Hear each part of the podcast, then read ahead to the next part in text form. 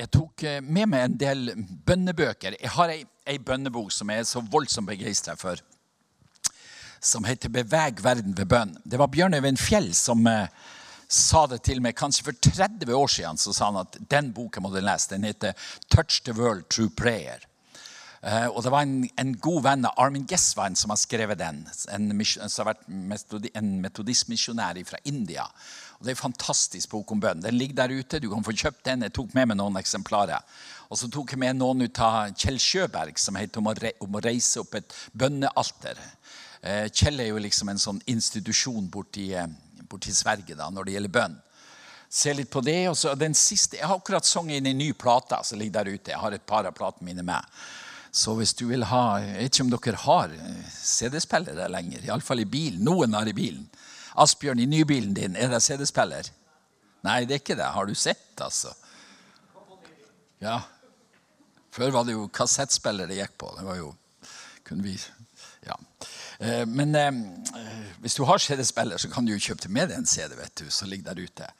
Eh, Vi har også det bladet vårt fra Bønnesenteret som du kan skrive det på en liste, så får du det gratis tilsendt. Der du blir informert om det som skjer. Vi har jo en del folk som har vært mye på Bønnesenteret her. Ikke sant, Ingunn? Dere har vært her en god del.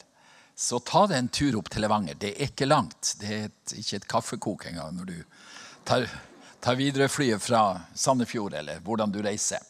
Eh, Jeg tok også med noen brosjyrer for bibelskolen. Vi har en bibelskole på senteret som eh, er fire måneders kurs, sånn som det var før på Ansgarskolen. Da gikk jeg på sånt høstkurs og vårkurs. Nå eh, I februar så starter vårkurset vårt, så hvis du har lyst til å være med, så kan du være med på bønnesenteret. Det er veldig fint å drive bibelskole på et bønnesenter og være med å dra folk inn i bønn, samtidig som de har bra undervisning på bibelskolen. Eh, Som dere vet, så har jo jeg vært evangelist i ja, over 50 år, faktisk, har jeg holdt på som evangelist. Eh, Begynte i en norsk-luthersk misjonssamband, heter det, på Helgelandskysten som ung gutt på 17 år. Eh, Og så gikk jeg på Ansgarskolen og så begynte jeg å reise med evangelist i Misjonsforbundet og ble riksevangelist, sånn som Asbjørn har vært. Og så I 25 år har jeg virka i Misjonsforbundet da. Og så eh, begynte jeg å reise inn til Russland, opp på Kolahalvøya. eh, Over til Murmansk og byene der. Og ble så voldsomt grepen av nøden som fantes, fattigdommen, elendigheten. Jeg kjøpte et par, par sånne 50-seters busser, så vi begynte å kjøre en hjelpesending. Eh, Og Bjørn Øyvind var jo misjonsforstander da, så jeg sa vi må starte misjonsarbeid i Russland. Og det var min drøm, at Misjonsforbundet skulle ha gått inn der og begynt oppe på, på Kolahalvøya. Eh, Men så var det ikke planer om det. Det var andre felt som var aktuelle. Og så eh, ble det sånn at jeg ble enig med Bjørn Øyvind at jeg skulle lage til en misjonskasse for Russland. Der jeg fikk lov å samle inn penger når jeg ikke var i misjonsmenigheter rundt omkring. Eh, Så da begynte det her som heter Nordic Mission. Det begynte sånn der. Det heter Arctic Evangelism først. I to- 92 starta jeg opp der oppe. Og så etter hvert så utvikla jo arbeidet og flytta seg nedover til, til Ukraina mer og andre plasser i Øst-Europa. Og så fra 96 så um, slutta jeg i Misjonsforbundet, og så begynte jeg å reise for fullt i denne stiftelsen som heter Nordic Mission. da. Så der har vi holdt på. Vi, vi har 15 ansatte nå her i Norge, og så har vi masse folk som er ansatt i andre land, som driver det her misjonsarbeidet som vi, vi holder på med. da. Og Det er en sånn typisk eh, trosmisjon der vi ikke har anelse hvor pengene skal komme ifra. Men eh, eh, de kommer nå. De kommer til nå da. Og vi, vi trenger å få inn én million i måneden hvis det her skal gå rundt. Og det er ganske interessant å leve sånn her, da. Men Gud er jo god. Og John Wimber han sa det at alt det som Gud bestiller, det vil han betale for. Eh, Gud har ingen ubetalte faktura i skuffa si. Så hvis det er bestilt av Gud, det vi holder på med, så eh, tror jeg at Gud vil sørge for oss også framover. Og det er viktig å være i, i tråd med det som Gud vil, og, og virke etter Guds hjerte i dette her. Og vi har eh, har tenkt det her med bønnesentre da, som et fundament eller som en, en grunn for alt det vi gjør. Og Vi har startet bønnesenter på Filippinene. To plasser har vi startet bønnesenter der. I misjonsarbeidet vårt. Og i Ukraina har vi startet et bønnesenter. Og eh, prøver på den måten å bygge det her som vi holder på med, på, på bønn. Og vi tror at det er veldig viktig, fordi at Jesus sa at mitt hus skal kalles et bønnens hus blant alle folkeslag. Eh, og hva tenkte Jesus da? Tenkte han at det bare skulle være et bønnerituale som skulle pågå i hans hus? Jeg tror at Grunnen til at Jesus sa det, er at han visste hvilken kilde av liv som flyter ut ifra bønn. Og ut ifra bønn så kan Gud få lov å virke med sin kraft i mennesket sitt liv, i vårt liv, og, og, i byer og i land der det blir bedt. Og det, det er så interessant. Vi, på, vi har det her mm, eksempelet med Sør-Korea, der de virkelig har tatt tak i det her med bønn. Og For en tid siden så leste jeg i Aftenposten en artikkel som heter 'Sør-Korea det økonomiske mirakel', var overskrifta. Men det var ikke et ord om Gud eller om tro. Men det sto bl.a. ei setning sånn her. Det finnes ikke noe eksempel i historien på et land som har gått fra en sånn dyp fattigdom til en sånn overveldende rikdom som Sør-Korea. Og hva har sørkoreanerne gjort? Jo, de har bedt til Gud. De har bedt som ingen andre land, egentlig og virkelig fått det på agendaen. Og så har vi sett resultatet. Velsignelse i landet og mange mennesker som har, har, blitt frelst. Et buddhistisk land som har gått over til å bli et kristent land. Så jeg har voldsom tro på det her med bønn. Når det kommer til dere nå, så eh, tror jeg at virkelig, hvis bønn tar løs i Skien misjonsmenighet, så vil det flyte velsignelse på alle hold på alle områder så vil det flyte velsignelse inn i menigheten her. Og Det interessante som foregår for tida i Norge, det er at jeg tror, jeg tør å påstå at det pågår en gryende bønnevekkelse i landet vårt. Det er så mye plasser nå der eh, bønneinitiativ kommer på plass, bønnehus reises opp. Det. Da jeg starta på Levanger med bønnesenteret der for 15 år siden, så visste jeg ikke om noen sånne bønnehus i det landet her. Det var noen retreatsenter som Edin hadde starta, og noen andre. Men et sånt uh, forbønnens sted som Gud kalte meg til å starte opp da, det visste jeg ikke om noen plass. Uh, og Gud brukte faktisk det. Et, noen vers fra Apostelens gjerninger 16 Eh, når Paulus kommer til eh, Filippi. Jeg vet ikke om dere husker den beretninga der. Står, hvis du ser i kapittel 16 i apostelgjerningene, så står det at, at Paulus ble hindra av å forkynne ordet i Asia. Han prøvde å reise til et annet sted, til Betynia, men Jesu ånd ga han ikke lov, står det. Og så om natten så har Paulus det her, her eh, Makedonia-ropet som han opplevde. Der en mann står og roper 'Kom over til Makedonia og hjelp oss'. Og Så gir han seg av sted. Så reiser han ikke til hovedstaden, som var Tessaloniki, men han reiser til Filippi, en mindre by. Og så står det noe interessant der, at når Første dagen han er der, på sabbatsdagen, så står det at han går ned til elva der han mente at det måtte være et bønnested. står det. Og Hvorfor mente Paulus det? Jeg tror det var noe som lå i Paulus sitt, sitt hjerte som visste at det er noen som har bedt til Gud i Filippi. Derfor er vi her. Vi har hørt Makedonia-ropet. Vi er her pga. noen har bedt til Gud. Og Så møter han det kvinnen Lydia og de her som handler med, med tøy der. Og så blir det det første eh, bønnestedet i Europa, der Paulus setter sine føtter på det europeiske kontinent. Og så begynner vekkelseslivet i Europa med bønn gjennom Lydia og de her kvinnene som driver og ber til Gud. Og det her brukte Gud da når det gjaldt å starte bønnesenteret. Han, han, sa til meg sånn her at hvis Paulus har kommet til Norge, hvor vil han finne bønnested i Norge? Og så fant jeg ingen plasser der jeg visste det var noe sånn typisk bønnested. Og Så begynte jeg å jobbe i med denne tanken her, at jeg skulle starte et bønnesenter. Og, var, og, så, og så, har jeg fått det på hjertet mitt. Det måtte være midt i Norge. Og jeg bodde i, i Brønnøysund, som heter kystbyen midt i Norge. Mosjøen, Brønnøysund, det var liksom byene midt i Norge. Eh, og Jeg var så på et turistanlegg ute ved Torghatten, et sånt flott sted som var til salgs, med sånne høye vinduer der du så utover havet. Det var så fint. Eh, men, men, fikk ikke ro for det. Og Så kom det opp et lite hotell på Levanger som var til salgs, og jeg kunne få kjøpe det. og Så ble det forhandling om det. Og så ble det at vi starta opp på Levanger i et lite uh, hotell som Bed and Breakfast Hotel heter det, da, da vi kjøpte det, med 60 sengeplasser. Og Der eh, har vi vært siden. da. Vi starta der i en spisesal og ei stue. Og til slutt så ble det så mye folk at vi måtte få utvida det her. Og så eh, har vi bygd et konferansesenter i tillegg da, med bønnefasilitetene og det som er der. Men sånn starta det hele, der, der, Gud kalte meg veldig sterkt til at det må bli et sånt forbønnens sted i landet. Og det som er, er liksom grunnpilarene, eller bærebjelkene i det vi holder på med, det er lovprisning og forbønn. Lovprisning og forbønn. Og vi ber mye for landet vårt. Og jeg husker I begynnelsen så var jeg litt stressa at det var jo ikke ordentlig midt i landet. For jeg hadde, hadde kjent det så sterkt. Det må være midt i Norge. Og midtpunktet var jo 300 km lenger nord. Men plutselig så fikk jeg høre at midtpunktet i Norge var flytta nedover, i nærheten av Levanger. Så hvis du googler eh, 'midt i Norge', så finner du deg innenfor Levanger der, imot svenskegrensen mellom Levanger og Steinkjer.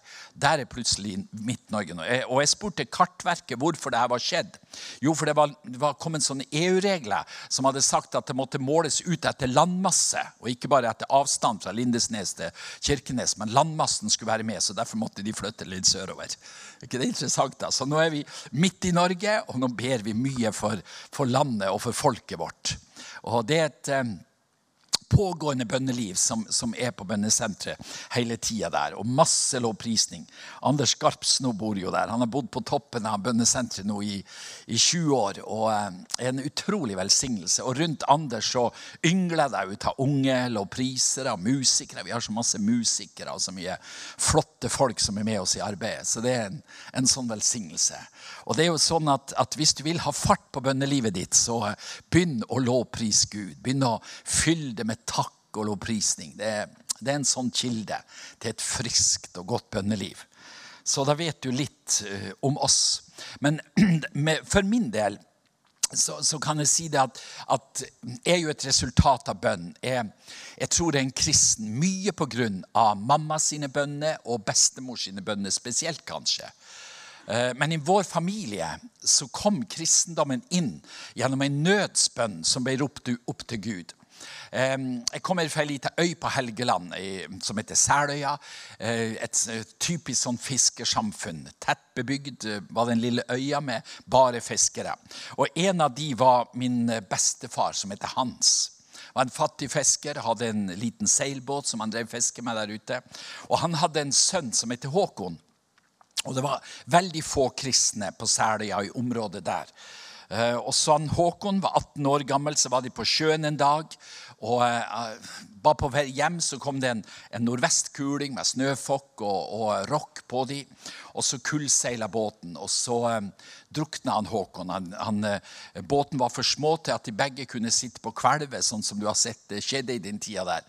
Så Håkon lå på siden av båten og svømte mens de rak inn mot ei, ei øy i nærheten der. Men så ble han nedkjølt og mista taket, og bestefar så at han forsvant i bølgene. Og mens bestefar satt der i mange timer på båtkvelvet og rake inn mot den øya der, så begynte han å rope til Gud. Og så sa han at hvis det blir berget, så skal jeg gi mitt liv til, til, Jesus og bli en kristen. Og Så kom han opp til Lofoten vinteren etterpå. Der var det vekkelse på Misjonshuset på Reine, på Hamnøy. Um, der vekkelsen brann. Det var Misjonsforbundet som hadde det huset der. Og, og de sa det var så tettpakka med fiskere at det var ikke plass for predikanten å stå. Han måtte og liksom orge seg vei for å komme fram til talestolen. For det var så tett pakka ut av fiskeræva. De sto som sild i tønne. Og der brant vekkelsen. Og der ble han bestefar en kristen. Så kom han hjem, så ble jo bestemor en kristen, og så eh, spredde gudslivet seg inn i vår familie gjennom en sånn tragisk hendelse som det der. Og Det står faktisk i Salme 122 så står det at Gud hører de elendiges bønn, og han lytter lytter til fangenes rop. Så hvis du tror at Gud bare hører de her, her kraftfulle bedrene som liksom har lært seg å be over årevis, så tar du feil, for Gud hører de elendiges bønn. Han hører de små sukk. Han hører de, som kanskje vi ikke tenker på, men ber han til Gud, ber hun til Gud. De bønnene hører Gud fordi at han ser etter et hjerte som er vendt imot han. Og Bestefar han ble en sånn, en sånn glad kristen. Eh, det var jo ikke noe frikirkeliv der ute, så de kalte han bare for hjelpepresten. For han, han hang i hælene på presten overalt hvor han for. da. Eh, de sa at han brukte å, å bette båten sin fast i sånn, en sånn stake ute i sundet der. og så Når det kom motorbåter forbi, så fikk han slepe inn til kirka. og Så kom han seg på gudstjeneste på, på den måten der. Og, og Sånn fungerte jeg i den tida der. Og så vokste jeg opp i et fantastisk godt hjem der mamma og pappa ba til Gud. og For en velsignelse. Tenk for en, en nåde å få, vokse opp i et godt hjem. Det, det, er så stort.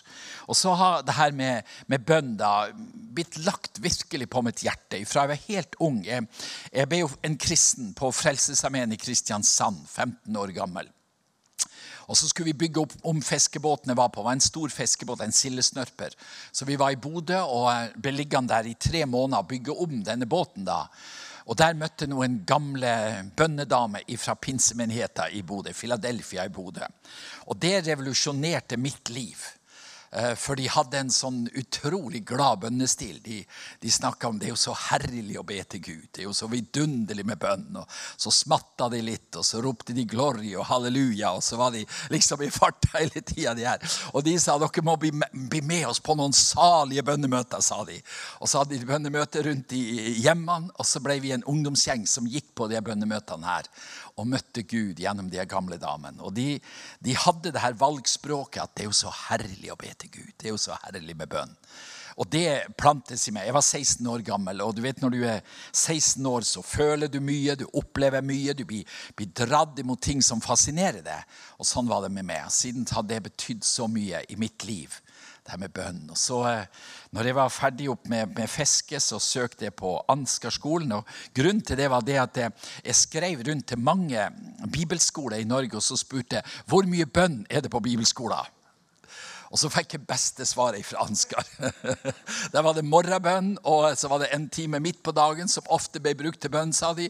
Og så var det bønnenatt hver kveld med en kar fra Skien som heter Nils Gustav Johnsen. Han han, han, kom jo herifra.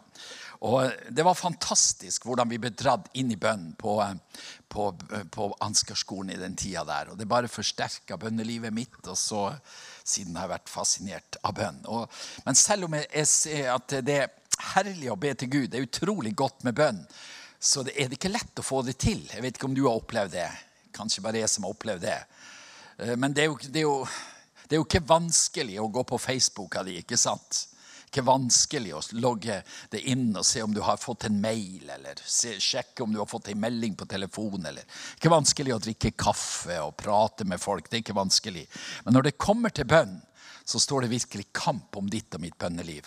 Og vet du, det er et kvalitetsstempel på bønn. Hvorfor er det så vanskelig å få til det her med bønn? Jo, fordi det, det er en åndskamp i det. Det står en åndskamp om ditt liv når det gjelder ditt bønneliv. For det er klart at Hvis djevelen vet at han kan ta det der når det gjelder ditt bønneliv, så, eh, så vet han at han har tatt det på et veldig viktig område i ditt liv. Og Derfor er det så viktig å, å, være bestemt og si at jeg skal sannelig ikke la den gamle ulven lure meg. Jeg vil be til Gud, jeg vil søke Gud og ha Guds fellesskap. Og Da kan ditt bønneliv forandres gjennom at du tar en bestemmelse. Men selv det så er det ikke, er det ikke enkelt å få det til.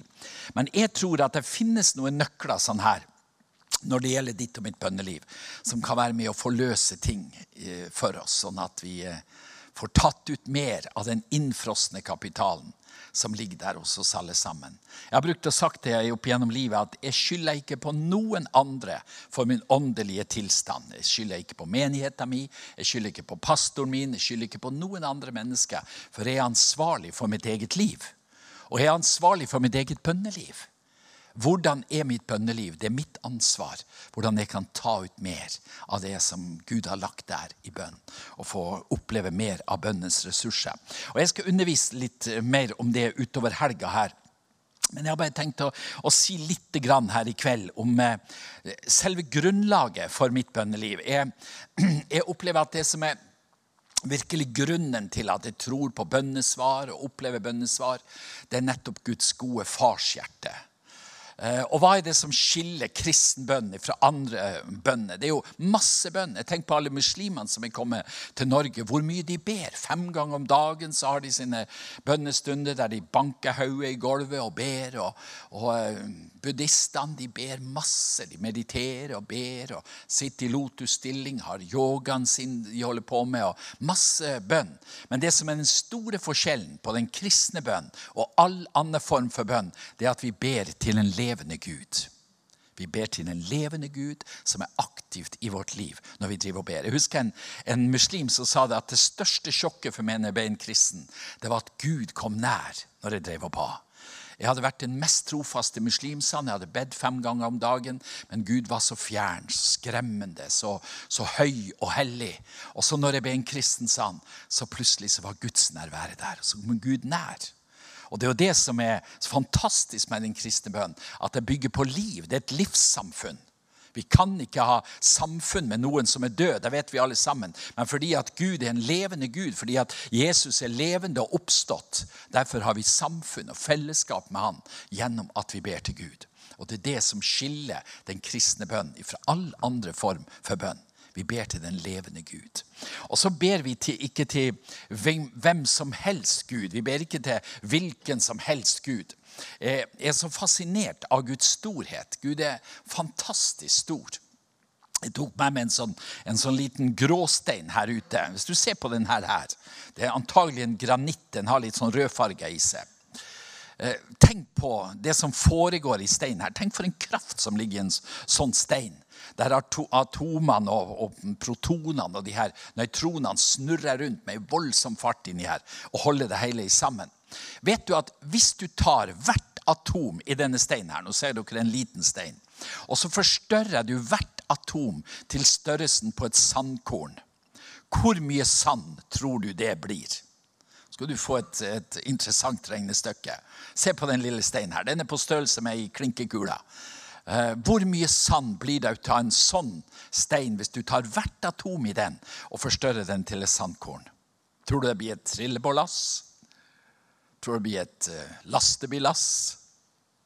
Kan det være så mye i en sånn liten sak her? Vet du hva det blir? Jeg skal fortelle svaret på det. Det blir så mye sand at du kan fylle Norges land med flere hundre meter sand. Du kan sjekke det på internett hvis du vil det si nå. Altså Hvis du tar hvert atom tom i denne lille steinen, og du gjør den på størrelse med et sandkorn, så kan du fylle hele Norges land med flere hundre meter sand. Ser du perspektivet? Det er Guds storhet. Og vi snakker om milliarder av, av planeter og galakser ut igjennom. Gud i sin storhet er ufattelig. Men samtidig i denne boka her, så møter vi et farshjerte som banker for oss som vil oss vel. En Gud som er god, en Gud som har nåde, som har miskunnhet, som tar seg av skrøpelige mennesker som oss. Det er helt fantastisk. Og jeg, jeg fascineres så ut av Guds storhet og Guds hjertelag samtidig. Det står, Jeg vet ikke om det er i Salme 145 eller 147 det står at han, han forbinder de verkende sår, og han gir, eh, gir ja, vet stjernenes tall og gir dem alle navn, står det. Ser du spennvidden i Gud? Han som holder universet i sin hånd. Han forbinder de verkende sår og det sønderbrutte hjertet. Tar han seg av. En sånn Gud er det vi har. har en, en, veldig fascinerende sak som har, har skjedd oppe i Kautokeino nå. Jeg var i Kautokeino nå for en stund siden. Og Der fins det bl.a. ei, ei bønnedame som heter eh, de kaller henne bare for jordmor Sara. Hun har vært eh, jordmor på Finnmarksvidda, hatt en, en sånn kjørerein som hun har drevet og kjørt med ut til de små bygdene der oppe. Og hun har forløst 3000 babyer, denne dama her. Eh, og en institusjon i Kautokeino. Hun er 92 år gammel. Og nå kom hun til meg. Jeg hadde møte der for noen uker siden. Så kom hun til meg etter møtet og sa Håkon, vet du, sa hun, at jeg ber for det hver dag. Så ber jeg for det. Fantastisk. Eh, og så, og så, driver hun og ber. Fra morgen til kveld så driver hun jordmor Sara og ber. Og hun ber for folket i bygda si. Og så sa hun en morgen, eh, når jeg akkurat hadde våknet, så hørte jeg en lydelig stemme i soverommet mitt. Helt klar stemme som sa, Sara, alle de du ber for, skal bli frelst. Og så sa hun hvis det er sant, da blir det vekkelse, sa hun. For tenk på alle sammen som jeg ber for. Han der på Dagsrevyen Jeg ber jo mye for han. Så. Når jeg sitter og ser på Dagsrevyen, så, så ber jeg jo for han. Tenk at han skal bli frelst. Ja, hørte du deg ordentlig? Så jeg Hørte hørt helt klinkende klart. Så sa det inne i soverommet alle de du ber for, skal bli frelst. Og det tror jeg på, sa hun. Og så driver og ber for det. Hver dag så ber jeg for det. Det er jo en sånn nåde fra Gud å ha en sånn forbeder. Og så vet du, så har det begynt å skje ting i Kautokeino nå som er helt forunderlig, der folk har begynt å bli frelst. Og Blant annet så finnes det en, en same som heter Nils, som har mye, mye rein oppå fjellet der. Og eh, Jeg snakka med ham for noen måneder siden. Det var her, her skjedde antagelig i mai eller omkring der. Så, så hadde han eh, han sa det sånn at jeg har bare begynt å lengte sånn etter Gud. sa han. Jeg vet ikke hvorfor. Jeg har aldri vært en kristen eller har ikke noe kristen bakgrunn. Og så var det sånn at jeg fant fram en bibel sa han, og så begynte jeg å lese litt i Det nye testamentet. Men så visste jeg ikke hvordan jeg skulle bli kristen, og sånt her, men jeg kjente denne lengselen etter Gud sa han, i hjertet mitt. Eh, og Så gikk jeg på Facebook, sa han, og der var det en som heter HP, en sånn banditt oppi fra Alta. En som heter Hans Petter. Han har vært torpedo og ja, gjort mye gærenskap. Og Han hadde lagt ut vitnesbyrdet sitt på Facebook. Snakka inn på Facebook. Og Så satt jeg og hørte på det. Og så på slutten så sier han HP at hvis du vil bli en kristen, så kan du be denne bønna sammen med meg. Og så gjorde jeg det, sier han Nils. Og mens jeg satt der, så kom det en sånn kraft over meg at jeg kunne ikke kontrollere kroppen min. Sånn. Armene og beina de skalv. Jeg var helt rysta av Guds kraft. Og jeg hadde jo pakka scooteren min sånn, og skulle på fjellet til reinflokken. Være der i 14 dager og gjete rein. Og jeg, jeg for oppover sånn, og jeg fikk ikke sove. Guds ånd var så sterkt over meg. Og så når jeg våkna om morgenen, så tenkte jeg må jo fortalt kameraten min det som har skjedd. Så jeg gikk og fortalte han at jeg har møtt Jesus. Og så sa kameraten min at ja, men, men, du er jo blitt gal. Du har jo aldri snakka om Jesus. Hvorfor begynner du å snakke om Jesus? Du er jo blitt uh, helt crazy. sant det med. Og så visste jeg jo at jeg var ikke blitt crazy. Jeg hadde bare møtt Gud. sa han. Og så kjente jeg så på det at jeg måtte komme meg ned til presten og få bekjent mine synder. Så jeg kjørte fem mil ned oversiden, og så møtte jeg presten, og så gikk vi gjennom alle de ti bud der jeg bekjente mine synder synder. Hele rekka nedover. Og det er jo Fra den læstadianske tradisjonen så har de det jo sånn. Og så var jeg så letta etterpå. Men så dro jeg hjem, sann, og så eh, folkene rundt meg de, de trodde jeg var blitt gal, så de tok meg til doktoren. Og Så kom jeg til doktoren, sa han, og doktoren mente også at det var noe forstyrra oppi hodet mitt. Så de sendte meg på psykiatrisk sykehus han, i Tromsø. Og så har han vært tre uker på psykiaten i Tromsø. Men han, han her kan er en, en, ordentlig sånn skarping. I, I, familien hans er det stort sett bare pro, professorer og leger og sånne folk. Så han er en sånn, en sånn ja, skarp hjerne, han der. Så han sa når jeg kom dit på psykiatrisk, så sa jeg til doktoren at nå må du altså undersøke meg skikkelig. For jeg er ikke tullete i hodet, sa han. Men eh, jeg er ikke psykisk syk. da. Jeg har bare møtt Gud. Du må undersøke meg ordentlig. Så jeg har det svart på hvitt på papiret at jeg er frisk. Og nå har de undersøkt meg sånn, leger, masse leger, og jeg har gått på medisiner. de har prøvd alt mulig, Og nå har jeg fått det på papiret at jeg er frisk. Sånn. Så jeg er frisk. Jeg har bare møtt Gud, sa han. Og så, og så sa han at, at mens jeg var der i Tromsø, så så følte Gud sa til meg at du skal, du skal dra ned på, på Jekta, et sånt, et sånt varehus som finnes på flyplassen. Og Jeg visste ikke hva jeg skulle gjøre der, men jeg for nå dit og så satte meg på en benk og så sa jeg til Gud hva vil du med, med at jeg skal være her? Og så plutselig så kom det en, en mann opp fra vidda, han også der oppe, en, en reindriftssame fra der, som var på vei til Oslo og hadde noen timer i Tromsø som for dit. Og så satte han seg og prata med meg, og så fortalte jeg om han, om det som jeg har opplevd. da. Og så sier han til meg, 'Vet du', sa han, 'jeg har også møtt Gud.' På en sånn merkelig måte så har jeg møtt Gud. Og da skjønte jeg sa Nils, at vi er flere som holder på å oppleve det her som jeg har opplevd. Og Jeg snakket med en senest i går forleden dag snakket med Nils på nytt igjen. og Det er helt fantastisk å snakke med han. Han blir brukt til helbredelse, folk blir friske når han ber for dem.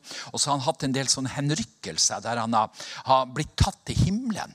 Eh, opplevd sånne ting. Og Han sa det at, at, det er noen som tror at det er langt til himmelen, men det er ikke langt til himmelen, sa han. Det er bare rett utfor kroppen vår. Der, der er himmelen. Og Gud har visst han så mange interessante ting. Og En ting som Jesus har sagt til ham i en sånn henrykkelse, da han sagt at du må huske på å velsigne alle de kristne i Kautokeino. Uansett hvilken menighet de tilhører, så bekjenner de mitt navn, og så er de mine barn, så du må velsigne alt Guds folk i Kautokeino. Så det gjøres, sier han, sier han Nils. Og så virker Gud i denne mannens liv. Og jeg sa til han at har du, har du hørt om Hans Nilsen Hauge? Nei, det hadde han aldri hørt om, sa han. Ja, vet du, Han hadde en sånn gudsopplevelse som du har hatt. og Gud brukte han til å forandre Norges historie. Og det var interessant, sa Nils, for jeg har sagt til Gud, hva vil du bruke meg til? Hvorfor har du gitt meg en sånn sterk opplevelse? Er det noe jeg skal gjøre iblant samefolk, blant mitt eget folk, der jeg skal formidle Gud inn i deres liv? Ikke så interessant? Og Der holder Gud på nå. Og jeg tror at en av grunnene det er jordmor Sara, som sitter der og ber dagen lang. Tidlig våken om morgenen, hele dagen, så ber jeg til Gud. Se. Og så løfter jeg opp det samiske folk, at de skal få lov å møte Jesus. Og jeg tror at dette er noe som, som Gud kommer til å la skje i landet vårt mer og mer når bønnevekkelsen eh, øker på, når bønnebevegelsen tar tak. Så vil mer skje rundt om landet vårt som er kanskje uforklarlig for mennesker, men der Gud begynner å virke med sin kraft. Det fins en baptistpastor i England som har forska på det her med vekkelse. og Han sier at historien er taus om vekkelser som ikke har starta med bønn. Historien er taus om vekkelser som ikke har startet med bønn. Og Hvis du går til Telemark, det fylket her, så vet du at der lå grunnen til så mye vekkelse i dette fylket. her. Mennesker som ba til Gud. En av de mest gripende historiene er Åshild og Jon oppe fra Vrådal. Som her nede i Skien møtte Åleg, denne, denne unge gutten som, som, gjorde et sånt inntrykk på dem at de begynte å be til Gud. Og Så reiste de hjem til bygda si, var fem år i bønn, og så brøt det ut en vekkelse som rysta både Vrådalen og bygden omkring med Guds kraft ut ifra bønnelivet til Åshild og Jon. Og Jeg tror at Gud har en, en plan fortsatt på denne måten her, ved at han vekker folk til bønn. Og så eh, skjer det ting ut ifra det. Og så skal jeg bare si at som jeg sa i stad her, at jeg tror selve grunnen til dette her, det er Guds gode farshjerte. Vet du hva Jesus sier? De, Disiplene kommer til Jesus og sier at Jesus, du må lære oss å be, sånn som Johannes lærte sine disipler. Og Så gir Jesus oss bønneundervisninga i eh, Lukas 8. Jeg kan komme litt mer til det etter hvert. Men så avslutter Jesus så utrolig flott denne undervisninga. Og som er liksom grunn under, under bønnelivet, så sier han sånn her Når dere som er jordiske fedre, vet å gi barna gode gaver, hvor mye mer, sier han Husk på det. Hvor mye mer skal ikke den far dere har i himmelen, gi sine gode gaver til den som søker han? Hva betyr det? Jo, Det betyr at bak vår bønn, eller, eller under vår bønn, så ligger det et farshjerte som ønsker å svare på dine bønner.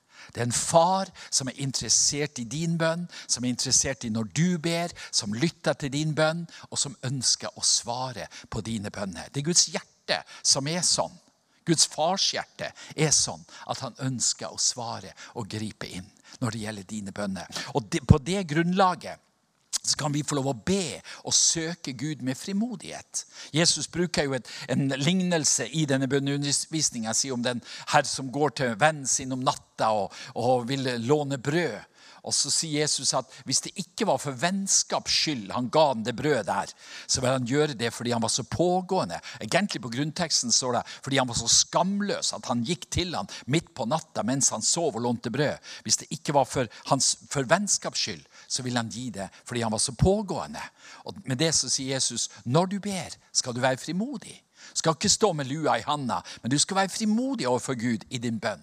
Og så vil Gud komme og svare på dine bønner fordi han har et hjerte som er for det. Gud er en god Gud. Han ønsker å vise sin godhet ved at han svarer på bønn. På bønnesenteret så, så, opplever vi mye bønnesvar. Vi har en, en, sånn takkevegg på siden av bønnetårnet. Når du går inn i bønnetårnet, så har vi en sånn takkevegg. Og den er full av takkebønner.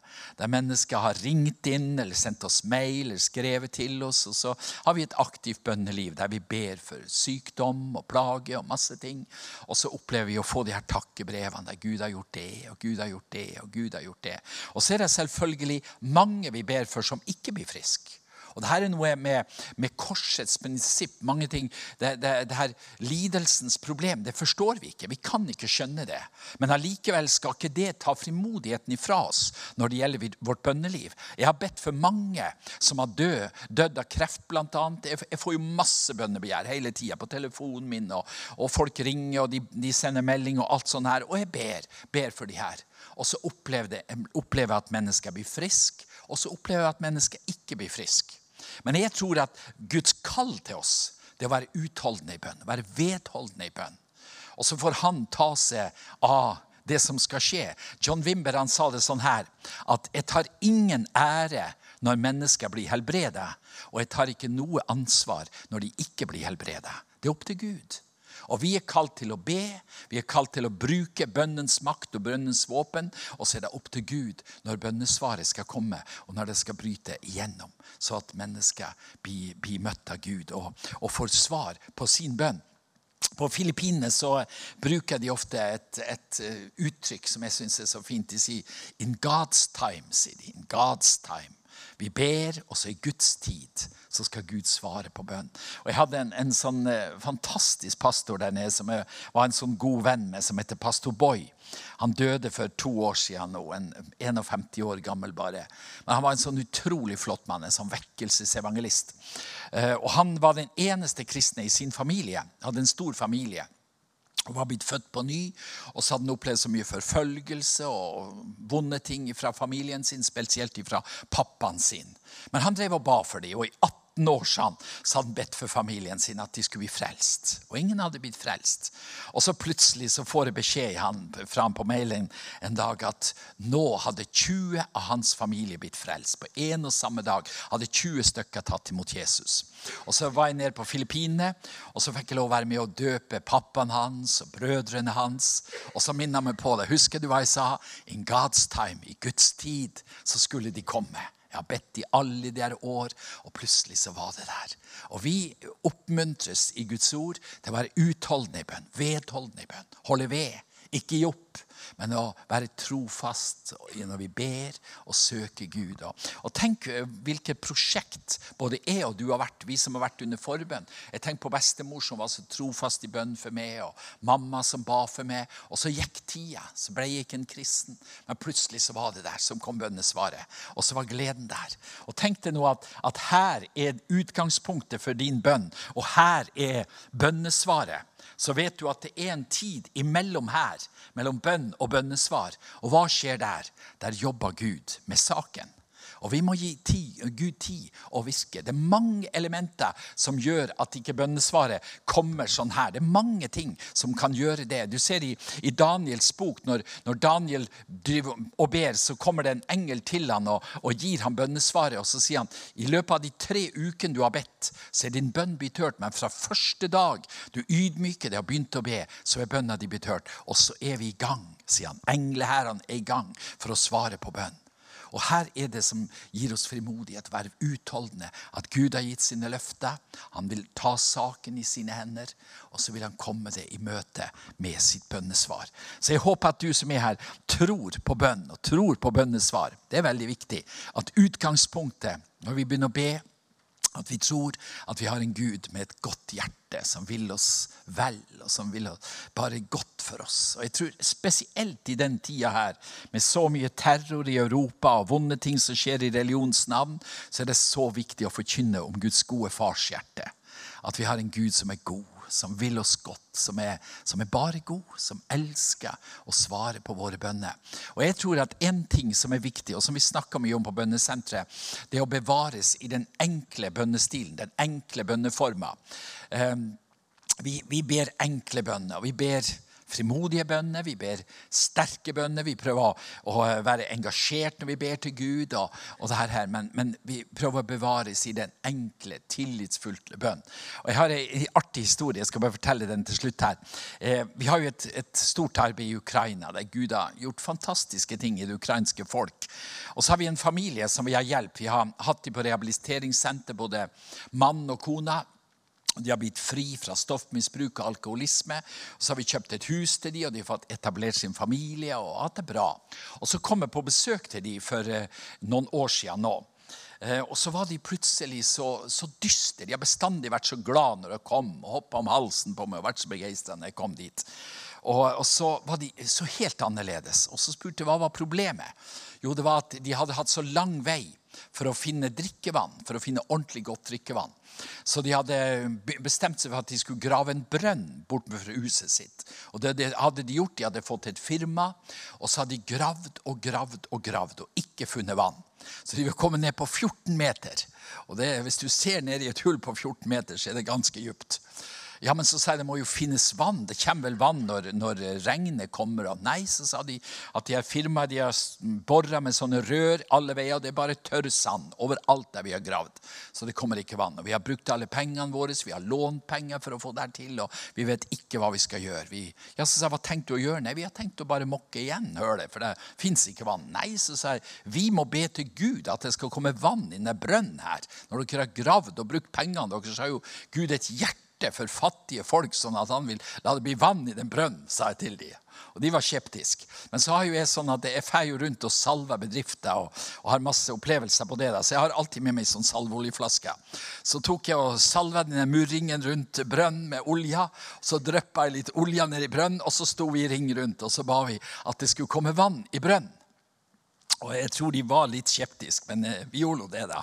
Og Jeg ble så engasjert. Jeg har, bestandig vært så glad i de folkene der. Så om natta så våkna jeg midt på natta etterpå og så ropte jeg, nå skal kildene bryte fram. Nå skal det komme vann i brønnen, sa jeg til Gud. Og så skjer det her. her. Neste formiddag så er vi ute og går på gata, jeg og tolken min der nede. Og så får hun en, en telefon der hører hun dama skrike sånn i telefonen. Og roper skrik i telefonen. Og det er dama fra det huset der som roper 'Det kom en vann i brønnen'. Det kom en vann i brønnen. Og, og, så, og, så, og, så, fant de ut at det var, det var så fantastisk et vann. Det sa hun det fins ikke så godt vann i noen plass i området her. Det er så søtt og godt et vann vi har fått. Og så Noen dager senere så ringte de og sa at de hadde tømt det på noen døde planter som var kommet til liv igjen. og De begynte å kalle det for et sånt mirakelvann. det her. Og så, og så, sa jeg til Gud at Gud, hvorfor er det at jeg opplever så mange sånne her spesielle ting? Og så svarte Gud meg veldig fint. Han sa det at Håkon, det er pga. ditt barnslige sinn. At du tror at det er en god far som vil svare på bønn. Og jeg tror at dette er et viktig element i ditt og mitt bønneliv. Tro Gud enkelt for bønnesvar. Be enkle bønner, naturlige bønner. Snakk ditt vanlige språk. Det var en, en, eh, en same som ble en kristen oppe i, oppe i eh, Karasjok. og så, Han var reingjeter oppe på fjellet. Så sa jeg at når du nå er blitt kristen og går opp iblant eh, rein der oppe på fjellet, så må du snakke mye med Gud og bruke det her med bønn. Ja, ja, sånn. Men, men, men tror du Gud forstår samisk? Er jo så dårlig å snakke norsk, så tror du han skjønner samisk.